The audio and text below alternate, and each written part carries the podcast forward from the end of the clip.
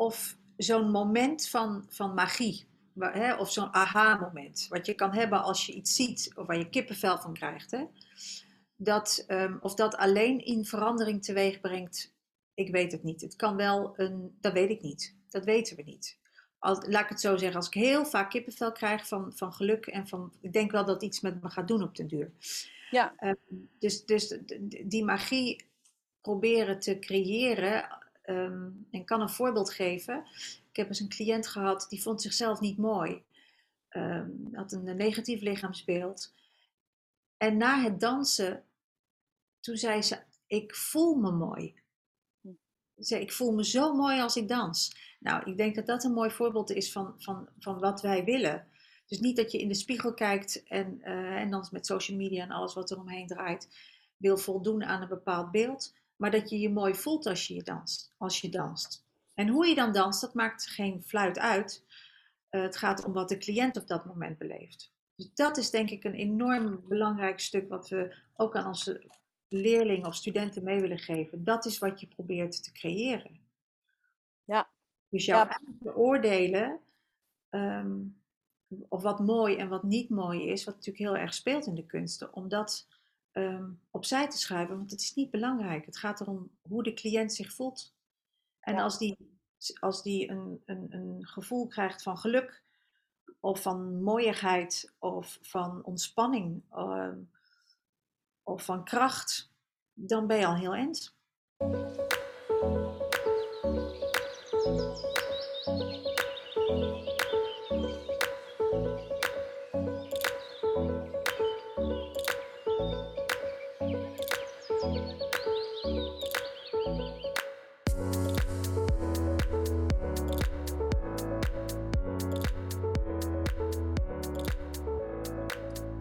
Luisteraars van Dansdocent.nu, welkom bij deze dertiende podcast over de dansdocent van de toekomst.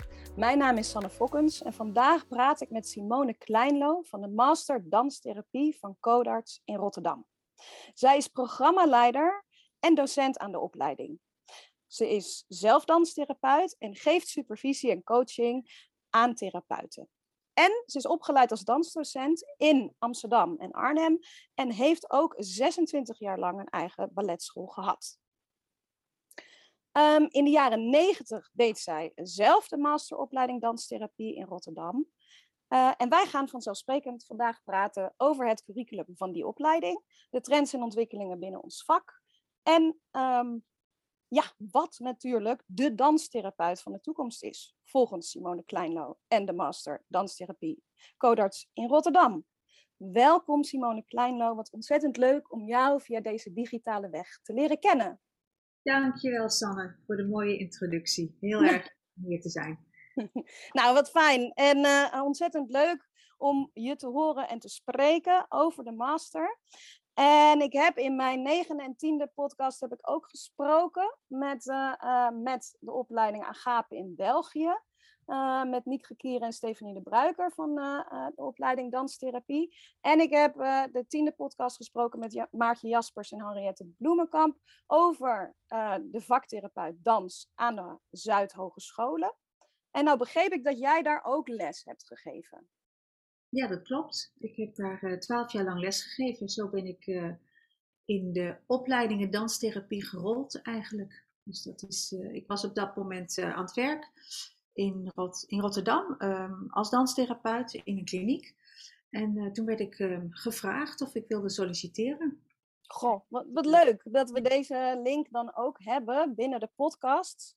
En kan jij dan vertellen wat volgens jou nu inmiddels uh, uh, omdat je natuurlijk programmaleider bent en docent aan Codarts, wat, wat een verschil is tussen, jullie opleid tussen deze opleidingen? Nou, er is een groot verschil. Uh, de, um, in Hogeschool Zuid is een bacheloropleiding, ja. vier jaar, fulltime. En wij zijn een masteropleiding, een internationale masteropleiding. En onze opleiding duurt drie jaar. Ja. Het is een parttime opleiding. Dus dat is eigenlijk het grootste verschil. Ja. Um, ja, en zo zijn er natuurlijk veel meer verschillen, maar dat is het grootste verschil. Dat is het grootste ja. verschil. Uh, jullie leiden eigenlijk bachelors op die master, een master worden. En wat hebben zij uh, nodig om deze opleiding te kunnen doen? Nou, wij leiden mensen op die uh, sowieso een bachelor hebben, maar dat hoeft niet per se te zijn in danstherapie. Dus het kan ook een bachelor zijn in uh, psychologie, of een bachelor in fysiotherapie, of zelfs een bachelor um, in kunstgeschiedenis, ik, ik, noem maar wat. Um, en daarnaast moeten de mensen twee jaar lang, die kunnen pas auditie doen als ze twee jaar werkervaring hebben na hun bachelor. En uh, hebben ze nog iets anders nodig behalve een bachelor? Ja, ja best veel. Um, wij willen mensen hebben die um, wat levenservaring hebben. Dus de meeste studenten die we aannemen, dat zijn, die zijn toch wel rond de 4, 25 jaar op zijn jongst. Ja. Soms nemen we ook mensen aan die uh, eh, 40 plus zijn. Um, ze moeten goed kunnen reflecteren op zichzelf. En ze moeten een enorme um, bagage hebben als het gaat om uh, dans uh, en of muziek. Muziek is dan voor de muziektherapie, maar voor dans moeten ze een flinke bagage hebben voor dans. Dus wij nemen over het algemeen, ik denk dat de helft van onze studenten een professionele dansachtergrond hebben. Dat kan zijn als danseres of als dans, dansdocent. En de andere helft uh, moet heel erg goed zijn in dans. En dan heb ik het over uh, een breed bewegingsvocabulaire, um, kunnen dans improviseren, uh, moderne dans uh, gedaan hebben, op zijn minst. Dus niet alleen maar in één stijl, verschillende stijlen um, in de bagage hebben. Dus dat is ook al een, um, flinke, nou ja, flinke vraag die we hebben. Zeker. En zij doen dan ook een auditie, hè? heb ik begrepen. Ja, de auditie is pittig. We hebben een, uh, twee jaar geleden met corona zijn we, hebben het alleen via film kunnen doen. Maar we vragen de mensen nu om, een, uh, om twee filmpjes in te sturen. Twee korte dans. Uh, één dansimprovisatie en één korte choreografie. Van ieder twee minuten. Daarna, um, als ze daar doorheen komen, als ze daarop geselecteerd worden, hebben ze nog een face-to-face auditie in groepen. Ja, dus twee, eigenlijk zijn er twee selectierondes. Nou, eigenlijk drie, want dan hebben we nog die, die, die face-to-face. Daar gaan we kijken hoe de interactie is met anderen. Dat we dat heel belangrijk vinden. Dus er worden allerlei improvisatieoefeningen gedaan. En uh, dat duurt ongeveer een uur, anderhalf uur. En als ze daar doorheen zijn, krijgen ze nog een interview. Wat net zo belangrijk is als de dans, uh, als de, als de dans zelf. Ja, zo. Dat is zeker pittig. En inderdaad, ja, ja op zoek naar uh, volwassenen, echt die al een ruime ervaring hebben. Ja. Dus als we het hebben over of tegen onze eigen dansdocenten die luisteren, dan zijn het misschien jullie volwassen leerlingen of misschien wel jijzelf. Die, Ja, we hebben, we hebben, veel dansdocenten die, die, die dan tegen ons zeggen: Ik geef nu een aantal jaren dansles. En um, ik zie wat dans met mensen kan doen. Ik zie wat dans met mij heeft gedaan. En ik wil mijn vak verder verdiepen. En ik zou graag danstherapeut willen worden. Dus die zijn er. En ja, die, mooi. Die afstuderen en dan en danstherapeut zijn. Maar daarnaast of nog een dansschool hebben of dansles geven. En daar een combi van maken. En dat heb jij zelf natuurlijk ook gedaan. Heb ik zelf ook gedaan, ja. ja. Ik heb natuurlijk een balletschool gehad. En uh, dat was op een gegeven moment niet meer te combineren met mijn werk als danstherapeut. Maar dat, dat, ik heb echt de klassieke route gevolgd. Van danseres naar dansdocent. Merken wat dans kan doen met, uh, met studenten of met leerlingen. Toen wilde ik psychologie gaan studeren samen met dans. Of uh, mijn dansachtergrond combineren met psychologie. En toen kwam deze opleiding in Rotterdam kwam tevoorschijn. En die ben ik gaan volgen. Danstherapeut geworden. Nou, nu dans, do, docent in danstherapie. Maar dat is een hele klassieke route. Maar zo zijn er vele. Ja, ja mooi is dat hoor. Dat uh, je echt ja. de hele scala. Ja, Wat zeg je? Sorry. Dat is heel bijzonder. Ja, zeker. Ja. ja. Zeker. En nou ja, met jou daar als programmaleider. Uh, maar wat maakt uh, de opleiding, de master danstherapie in Rotterdam in Codarts nou uniek? Wat is er uniek aan jullie opleiding? Nou, ik durf wel te zeggen nationaal en ook internationaal vrij uniek. we zijn natuurlijk gevestigd in Codarts wat een kunstopleiding is. Dansacademie, conservatorium en circus. Dat zijn de drie, eh, de, de drie pijlers. Uh, dus het ademt dans en muziek uit. Het hele gebouw al, de faciliteiten, de omgeving. En onze opleiding is sterk geworteld in de kunsten. En dat ligt, je zou denken dat danstherapie dat, dat voor de hand ligt. Dat is niet altijd zo. Soms, uh, als je kijkt in andere Europese landen, zie je dat de danstherapieopleidingen soms meer geworteld zijn in de therapeutische kant, de psychotherapie. Um, dat dat een, een, en dat is bij ons ook. Maar wij vragen echt kandidaten, zodra ze komen, dat ze al een sterke dans-artistieke achtergrond hebben. En dat is bij andere, dans, bij andere danstherapieopleidingen veel minder. Daar kun je zonder een stevige dansachtergrond kun je toch aangenomen worden. Omdat je misschien als psychotherapeut al heel veel ervaring hebt. En wel van dans houdt. En ook kunt dansen. Maar wij leggen de lat daarin wat hoger. Ja. Omdat wij vinden dat, um, we hebben daar een eh, visie over, dat als je gaat werken met cliënten, dat je die cliënten zonder veel moeite kunt verleiden in, in dans of verleiden naar dans toe. Dus kunt um, betrokken kunt krijgen in de dans. En dat betekent dat je uh, vaardigheden moet hebben, dat is niet alleen verbaal, maar dat je ook qua um, bewegingsvocabulaire um, creatief moet zijn. ja, wat ik al zei, je kunt ze verleiden in, in, naar beweging toe en naar een, een, een, contact toe in beweging.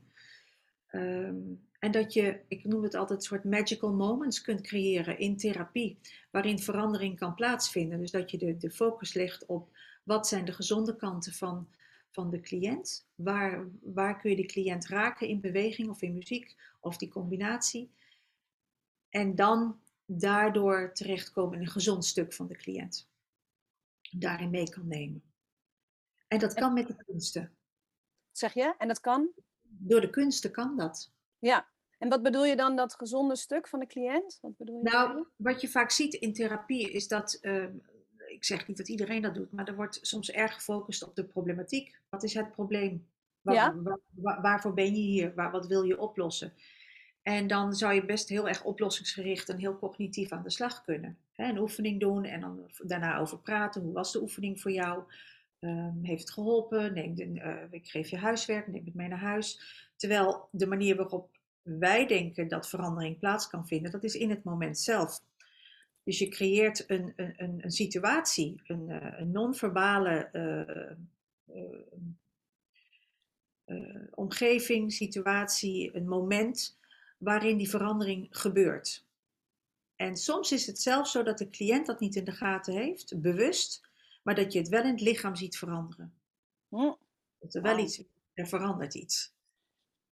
En die verandering is soms blijvend, of die moet je gewoon, hè, dan moet je het laten bezinken, of het vaker doen, of herhalen, waardoor iets kan veranderen. Um, je hoeft er niet altijd over te praten. Nee, en, en de, de therapeut die ziet die verandering gebeuren in dat lichaam, bijvoorbeeld? Ja, een therapeut kan die verandering zien. We hebben, wij werken met uh, Laban Movement Analysis, uh, zoals veel danstherapeuten, LME kort gezegd. Dus uh, wij baseren onze interventies veelal op onze observaties. hoe beweegt iemand in de ruimte? Hoe gebruikt iemand zijn gewicht? hoe beweegt iemand in tijd? Dat zegt, dat zegt iets over iemand. Hm. We weten nooit precies nog wat, maar je kunt in ieder geval patronen herkennen. En um, en daar ga je mee spelen, daarmee ga je experimenteren. Als iemand weinig ruimte inneemt, ga je proberen iemand te verleiden tot veel meer ruimte in te nemen. Nou, dan komt er zeker, uh, dan komt er zeker iets nieuws naar boven. Ja, en die, dus die patronen ontdekken en die veranderen, dat, dat is een heel belangrijk aspect van de therapeut. Veranderen als het nodig is. Ja. als het aan de orde is. Want kijk, daar, daar komt op dat moment het thera therapeutschap tevoorschijn. Je gaat pas iets veranderen als het nodig is. Ja. En daar hangt een doel aan vast. Dus in je achterhoofd heb je altijd je, behandel, je behandeldoel in je, uh, dat zit, ik noem dat altijd in je achterhoofd. Want hiervoor ben je in het moment samen met de cliënt en ben je aan het observeren en ben je aan het handelen en ben je aan het bewegen of aan het spiegelen met de cliënt. Um, of de cliënt aan het uitdagen tot een bepaald soort bewegen. Maar in je achterhoofd is altijd je behandeldoel dit is waar we naartoe werken. En dat, uh, dat bespreek je van tevoren met de, met de cliënt? Dat kan, dat kan. Uh, meestal wel. Uh, maar als je denkt aan mensen met dementie, dan is dat lastig. Hè, met, ja. met, met, ernstige dementie is dat lastig. Dus dan worden behandeldoelen vaak samen, in samenwerking met het multidisciplinaire team gevormd of met de familie. Ehm, of vanuit de literatuur, dat wat we weten, wat, wat zou kunnen helpen. of met kinderen die, die niet kunnen spreken, of met, kinderen met ernstig autisme, of kinderen die, die zwak begaafd zijn. Nou ja, noem maar op. Ja. ja, dan wordt het lastig om dingen cognitief te benaderen en er uitgebreid op te reflecteren. Ja, dat begrijp ik. Ja. En dan noemde je nu al een aantal hele mooie doelgroepen waar jullie onder andere uh, je studenten voor opleiden. Zoals mensen met dementie, uh, kinderen met autisme. Ja. Zijn er nog andere specifieke doelgroepen waar jullie. Uh, Eigenlijk werken danstherapeuten met, met, met ongelooflijk veel doelgroepen. Dus het kan zijn een, een, vrouw die, een hoogopgeleide vrouw die een burn-out is. Dat kan. Ja. Uh, kan ook zijn, wat ik al zeg, iemand met zware dementie, autisme, uh, uh, mensen met een persoonlijkheidsstoornis, vluchtelingen, mensen met misbruik, verwaarlozing, um, seksueel misbruik. Het, het, is heel breed. Ja. Nou, wat ik misschien wel interessant vind is, um, je hebt zelf ook heel lang gewerkt voor GGZ-instellingen, zeg ik het goed? Ja. Ja, en, en dan in ons voorinterviewtje schrijf je ook van ja, dat daar heel erg cognitief gedacht wordt natuurlijk. En dat je als danstherapeut echt niet moet vergeten om de dans voor je te houden. het bewegen, um, de kunst.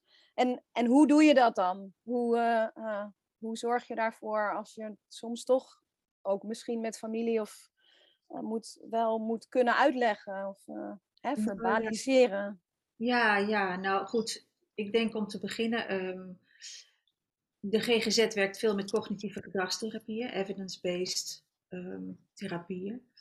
Ehm, er wordt veel gepraat. Uh, er zijn veel uh, hele goede uh, cognitieve gedragstherapieën die ook werken. en wij zijn eigenlijk een. een wij komen uit een, andere, uit een andere wereld. Want wij, wij, het is niet dat wij niet praten. Maar wij vullen juist, denk ik, heel goed aan. Daar waar cliënten soms zeggen van ja, ik snap het nou allemaal wel. En ik weet welke patronen en ik weet welke schema's. Hè. Schema-focused therapy werkt er heel erg mee.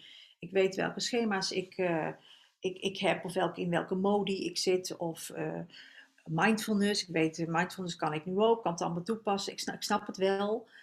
Maar ik voel nog steeds dat er ergens in mijn lijf klopt er iets niet. Of ik voel het op bepaalde. Nou, en dan komen de non-verbale therapieën. Ehm, die, ja, die komen dan aan de orde.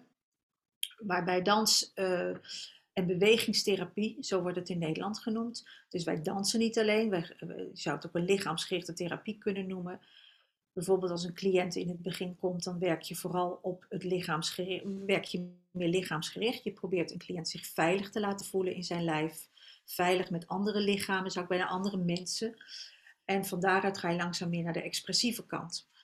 Ehm, en dan heb je, en dus dat gebeurde ook in de GGZ. En als je natuurlijk, als je in zo'n, dat verwerkt geldt denk ik voor elk, elk bedrijf of overal waar je werkt, waar je werkt, of de, de visie die een bedrijf heeft, daar word je ook mee besmet.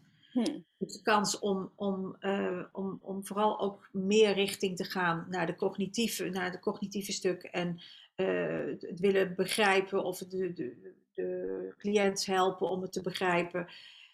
Dat zou zomaar kunnen. Dus dat is iets waar wij onze studenten wel op voorbereiden. En ook waarin ik als ik supervisie geef aan danstherapeuten ook op let. Vergeet niet waar je vandaan komt. Je komt uit dans, je, je, hebt een sterk observatievermogen. Uh, gebruik die, die hele specialistische tools in je werk.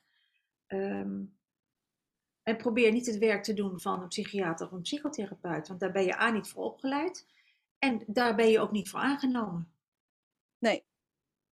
En ik zeg niet dat ze het niet kunnen, want we hebben ook we hebben buitengewoon goede danstherapeuten die ook. We zijn ook therapeut. We zijn ook in Engeland wordt het Body of Dance Movement Psychotherapy genoemd. We zijn ook psychotherapeuten, maar onze specialisatie ligt op dans en beweging.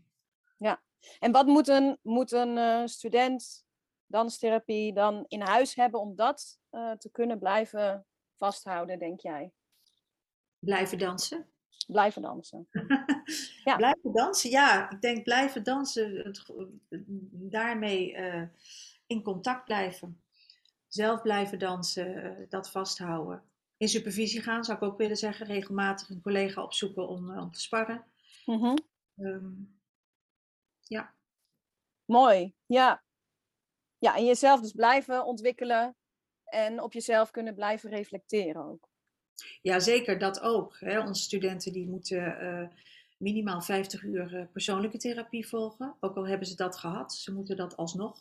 Wow. Tijdens, ja, tijdens de driejarige opleiding. Dus dat is uh, omdat we zien dat studenten in de opleiding zo met zichzelf geconfronteerd worden dat er oude issues of nieuwe issues, er komt van alles naar boven.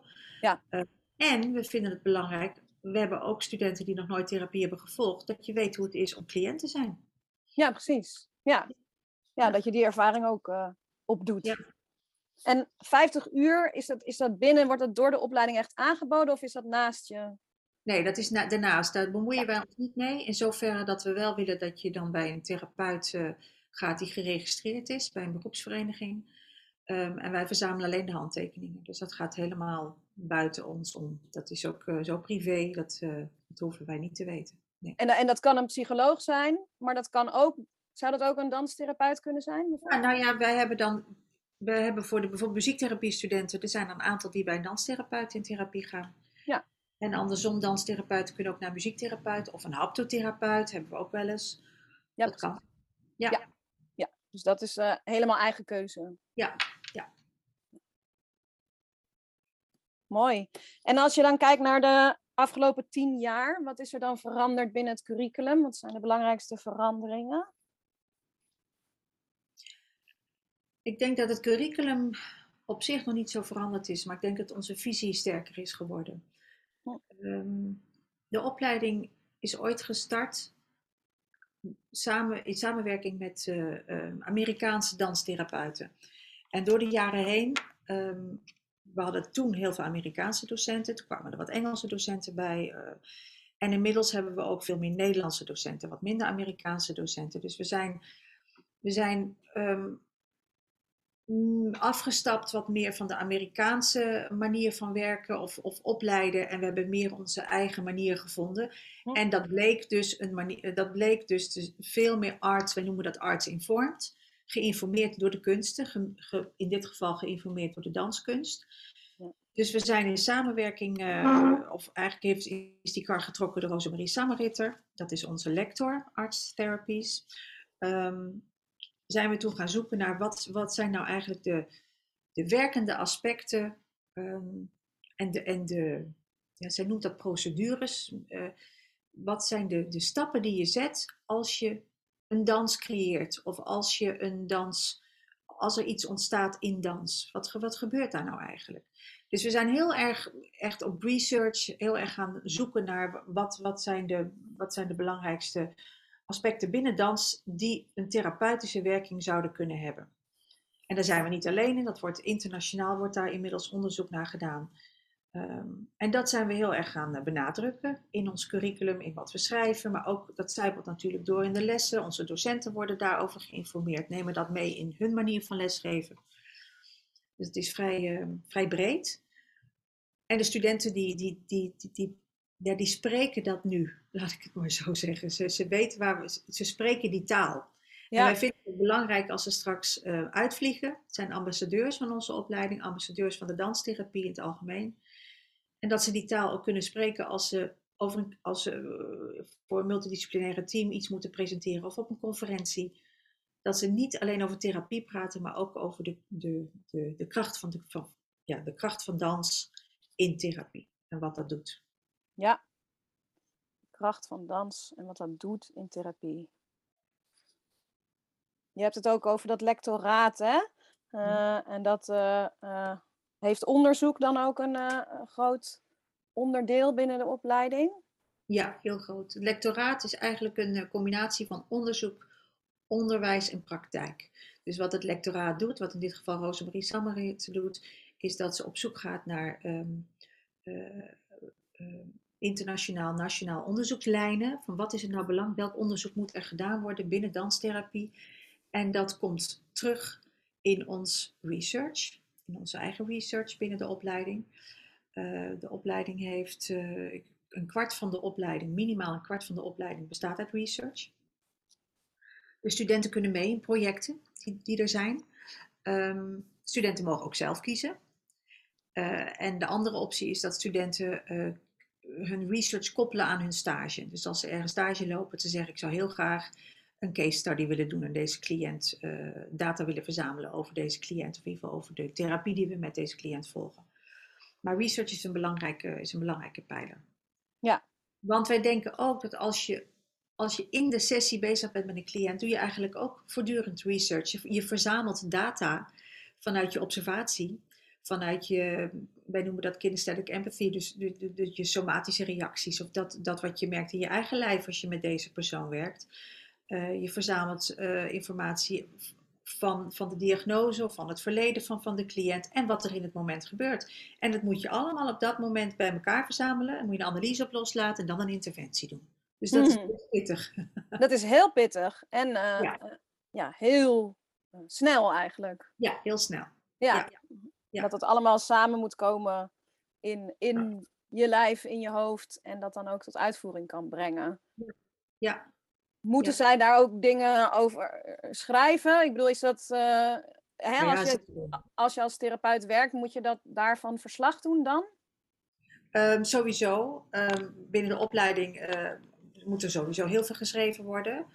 Ehm, maar als je werkt als, thera- als, dans, als therapeut überhaupt, dan heb je dossiervorming. Dus na elke sessie moet je iets schrijven over, hè, is het elektronisch patiëntendossier. Daarin schrijf je wat er gebeurd is. Ehm, en soms heb je ook nog dat danstherapeuten ehm, hun eigen dagboek bijhouden. Want je zet niet alles in dat, in dat patiëntendossier. Het is vaak Nee. maar heel kort en je hebt maar weinig tijd. Als je in de GGZ werkt, heb je maar weinig tijd. Ja, precies. Ik wil nog wel benadrukken dat danstherapeuten niet alleen maar in de GGZ werken. Nee, Je hebt, ja, je hebt ook danstherapeuten die werken, eh, nou ja, community-based, of die werken met vrijwilligers in, in een opvangcentrum, of die werken in eigen praktijk, of zelfs met bedrijven. Dus het kan heel breed zijn. ja, en het kan zelfs ook meer eh, projectmatig zijn, toch? Zeker. Ja. Is het ervaren van, van de kunsten voldoende om verandering teweeg te brengen? Is dat, of hoe, hoe werkt dat dan? Of hoe ga je daar dan verder op? Hoe leren die studenten dat? of zo'n moment van, van magie, hè, of zo'n aha-moment, wat je kan hebben als je iets ziet of waar je kippenvel van krijgt, hè, dat, ehm, of dat alleen in verandering teweeg brengt, ik weet het niet. Het kan wel een, dat weet ik niet. Dat weten we niet. Als, laat ik het zo zeggen, als ik heel vaak kippenvel krijg van, van geluk en van, ik denk wel dat iets met me gaat doen op den duur. Ja. Ehm, dus dus die magie proberen te creëren. Ehm, en kan een voorbeeld geven. Ik heb eens een cliënt gehad die vond zichzelf niet mooi. Ehm, had een negatief lichaamsbeeld. En na het dansen, toen zei ze: Ik voel me mooi.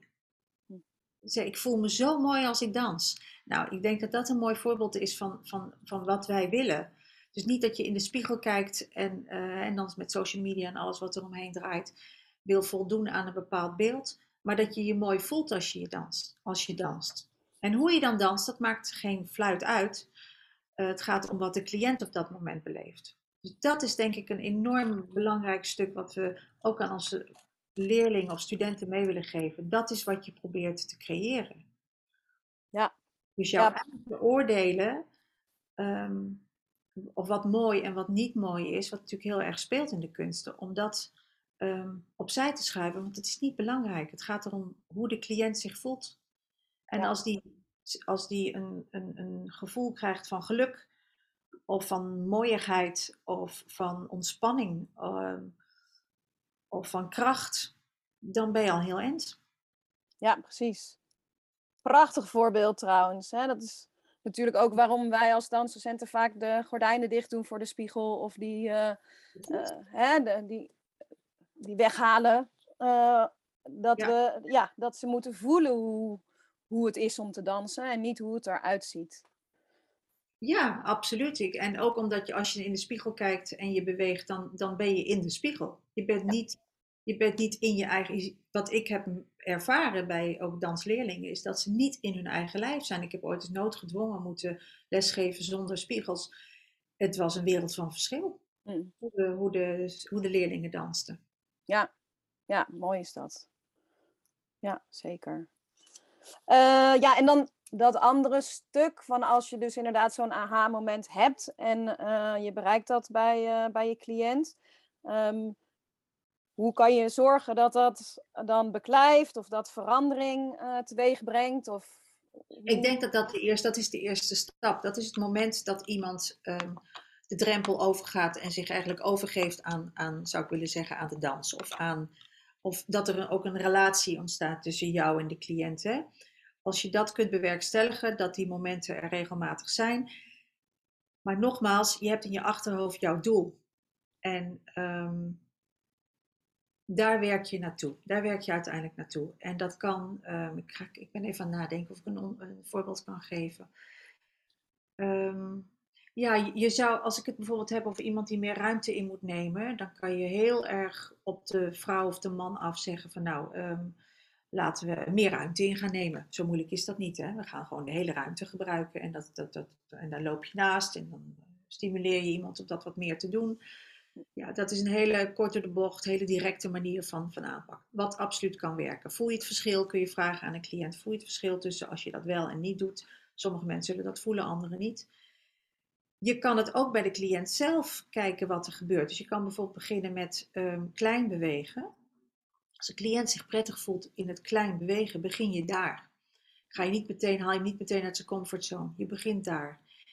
En dan zou je met hele indirecte interventies. Dus je zou mee kunnen bewegen en mee kunnen dansen, waarbij je af en toe eventjes wat meer ruimte inneemt, kunnen zien of de cliënt onbewust bereid is om daarin mee te gaan. Dan heb je in mijn beleving, heb je, dan volg je het tempo van de cliënt. De cliënt zelf, die ehm, hoeft geen angst te voelen, of die gaat in ieder geval heel geleidelijk aan, gaat hij mee met jou. Ik zeg, dit is een voorbeeld, ik zeg niet dat het de enige manier is. Maar dat is een andere aanpak dan wanneer je vrij gedragsmatig iemand benadert en zegt: uh, We gaan nu vanaf vandaag ga je iemand met pleinvrees gaan we het plein oplopen en uh, je beademen je, je er doorheen. Ja, ja, precies. Ja, precies. Ja, mooi, die, die onbewuste interventies eigenlijk. Of ja. Nou ja, voor de cliënt vaak, voor, voor, de, voor de dansdocent of voor de danstherapeut is dat een hele bewuste keuze. Ja, ja, precies. Ja. ja. Prachtig. Um, ja, in ieder geval heel belangrijk om te, om, om te bespreken. Wat is volgens jullie de danstherapeut van de toekomst? Wat moet hij in huis hebben? Nou, volgens mij heb ik daar de hele tijd over gesproken. Ja, precies. Alleen nu mag je het in twee zinnen doen. ja. Die is danser die blijft ook danser. En die zet de dans in um, om verandering teweeg te brengen bij, bij de cliënt, bij de ander. En ik zou ook nog willen zeggen, die um, zorgt dat de ander, de cliënt, zich ook danser gaat voelen, zou ik bijna willen zeggen. Mm. Zich gaat voelen als een danser. Mooi. Van danser tot danser. Ja, ja. Ja, prachtig. Mm, ik denk dat wij wel al een hele hoop besproken hebben. Um, jullie opleiding vindt tweejaarlijks plaats, hè? Om de twee jaar starten we met een nieuw cohort. Ja. ja. En in september begint er een, uh, een volgende ja. twee jaar. Ja, klopt. En eigenlijk is de in, uh, uh, inschrijvingstermijn al verlopen, begreep ik. Ja, de audities die zijn in volle gang. Um, is wel zo, als er nou luisteraars zijn die zeggen van nou, dit is mijn droom. Ik heb uh, na mijn bachelor die twee jaar uh, werkervaring. Um, wat je kan doen is ons toch schrijven. We hebben een wachtlijst en uh, mocht er een plek vrij zijn, of, echt, of mochten we nog op zoek zijn, dan houden we alsnog een auditie. Ik moet er wel bij zeggen, we hebben um, elke twee jaar rond de 70 kandidaten die zich aanmelden internationaal. En uh, we nemen er maar 16 aan. Zo. Dus de selectie is uh, pittig. Zo hé. En je moet ook nog Engels, je moet ook Engels kunnen spreken. Het is een internationale opleiding. Ja, de voertaal is Engels. Ja. En uh, anders is er in 2024 weer mogelijkheid. Ja, en wat misschien wel leuk is, we hebben um, uh, per twee jaar hebben we, moet ik even goed zeggen, drie introductieweken, soms vijf, die op parallel lopen. En dat zijn weken waarin mensen kunnen een week lang zich kunnen onderdompelen in de danstherapie. Uh, om een idee te krijgen wat het is. Oh, wat mooi. Wa waar kan je dat vinden? Op onze website van Codarts. Ja, en hoe heet dat, sorry? Uh, Introduction Weeks. Oh ja. Mooi. Vijf keer per jaar, zei je dat? Ja, we hebben er eentje in uh, februari 2023 en we hebben er dan nog twee in oktober 2023 en, één in en twee in februari 2024. Jeetje. Ja, ja, jeetje, Mina. Klinkt heel ver weg in ieder geval. Ja, ja. ja, ja mooi. Um, nog heel even terugkomend op uh, dat jullie natuurlijk ook een opleiding tot uh, muziektherapeut hebben bij Codarts. En dat zij ook samen projecten doen. Um, of samen projecten niet. We hebben, ze krijgen soms wel samen les. En dat is ja. echt heel bijzonder. Ja. Dat is heel? Dat is heel bijzonder. Dat is echt ja. heel erg leuk. Echt heel bijzonder. Ze leren van elkaar. Um, de muziektherapeuten die zijn... Uh, nou, die hebben hun instrument. En dat is een maar zijn niet zich doorgaans niet zo bewust van hun lichaam. Dus die leren op die manier van de danstherapeuten um, en ook in de lessen om, om, om ook hun lijf erbij te, meer bij te betrekken. Ook in de therapie. Ze therapie geven of leren dat te geven. En de danstherapeuten leren wat meer over welke muziek is nou geschikt of niet geschikt. Of zou ik kunnen gebruiken voor welke doelgroep. Mm. Ja, oh, dat is zeker interessant. Ja, het is een mooie, een mooie mix. Ja.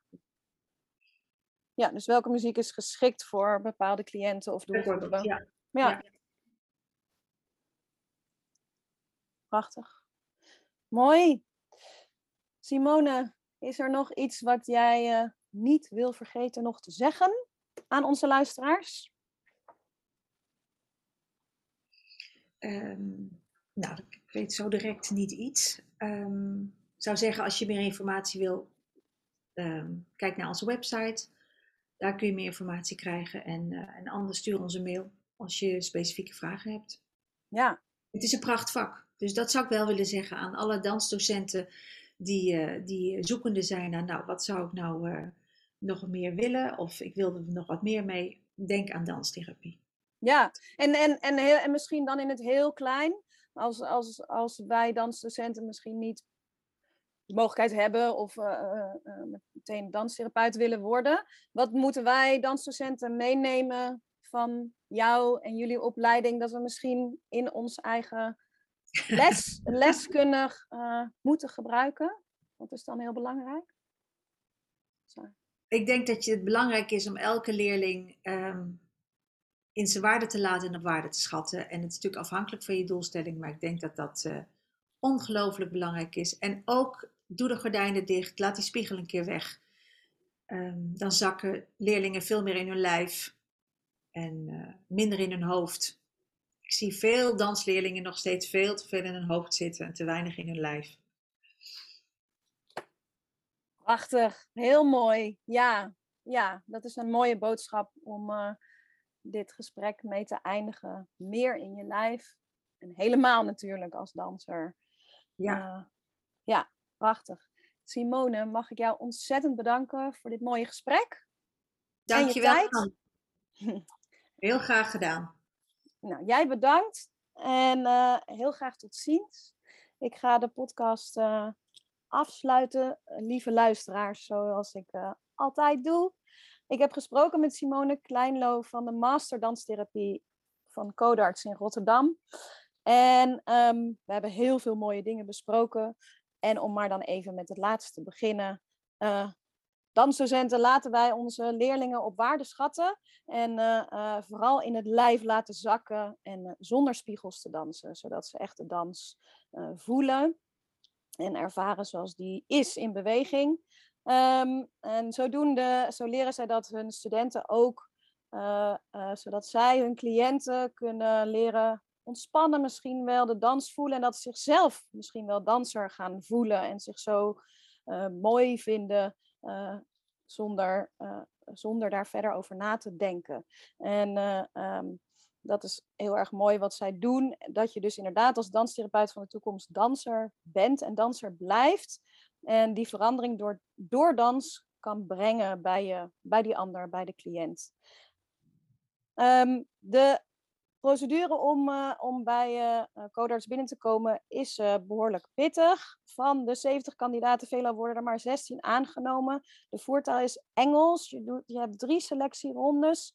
Um, en je moet zelf een bachelor hebben en twee jaar werkervaring. Dus dat is wel belangrijk om te weten. Ze werken veel samen met de opleiding muziektherapie, waar ze dan wederzijds heel veel van leren.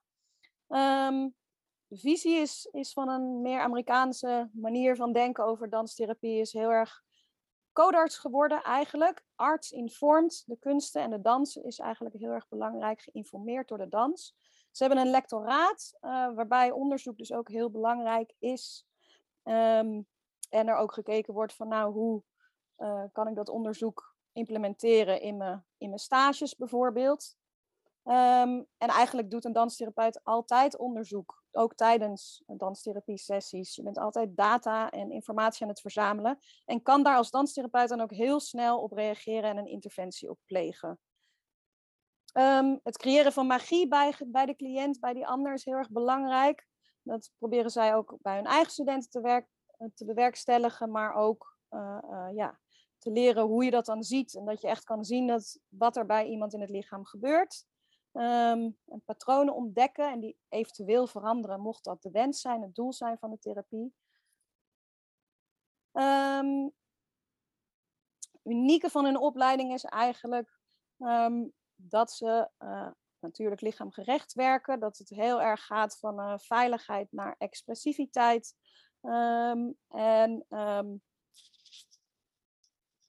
dat, ze, dat ze ook werken met psychotherapie. Dat je altijd moet blijven dansen en in contact blijft met jezelf en de dans. Dat is een van de allerbelangrijkste dingen die zij hun studenten willen meegeven. Lieve luisteraars van Dansstudent.nu, ik wil jullie bedanken voor het luisteren en heel graag tot de volgende podcast.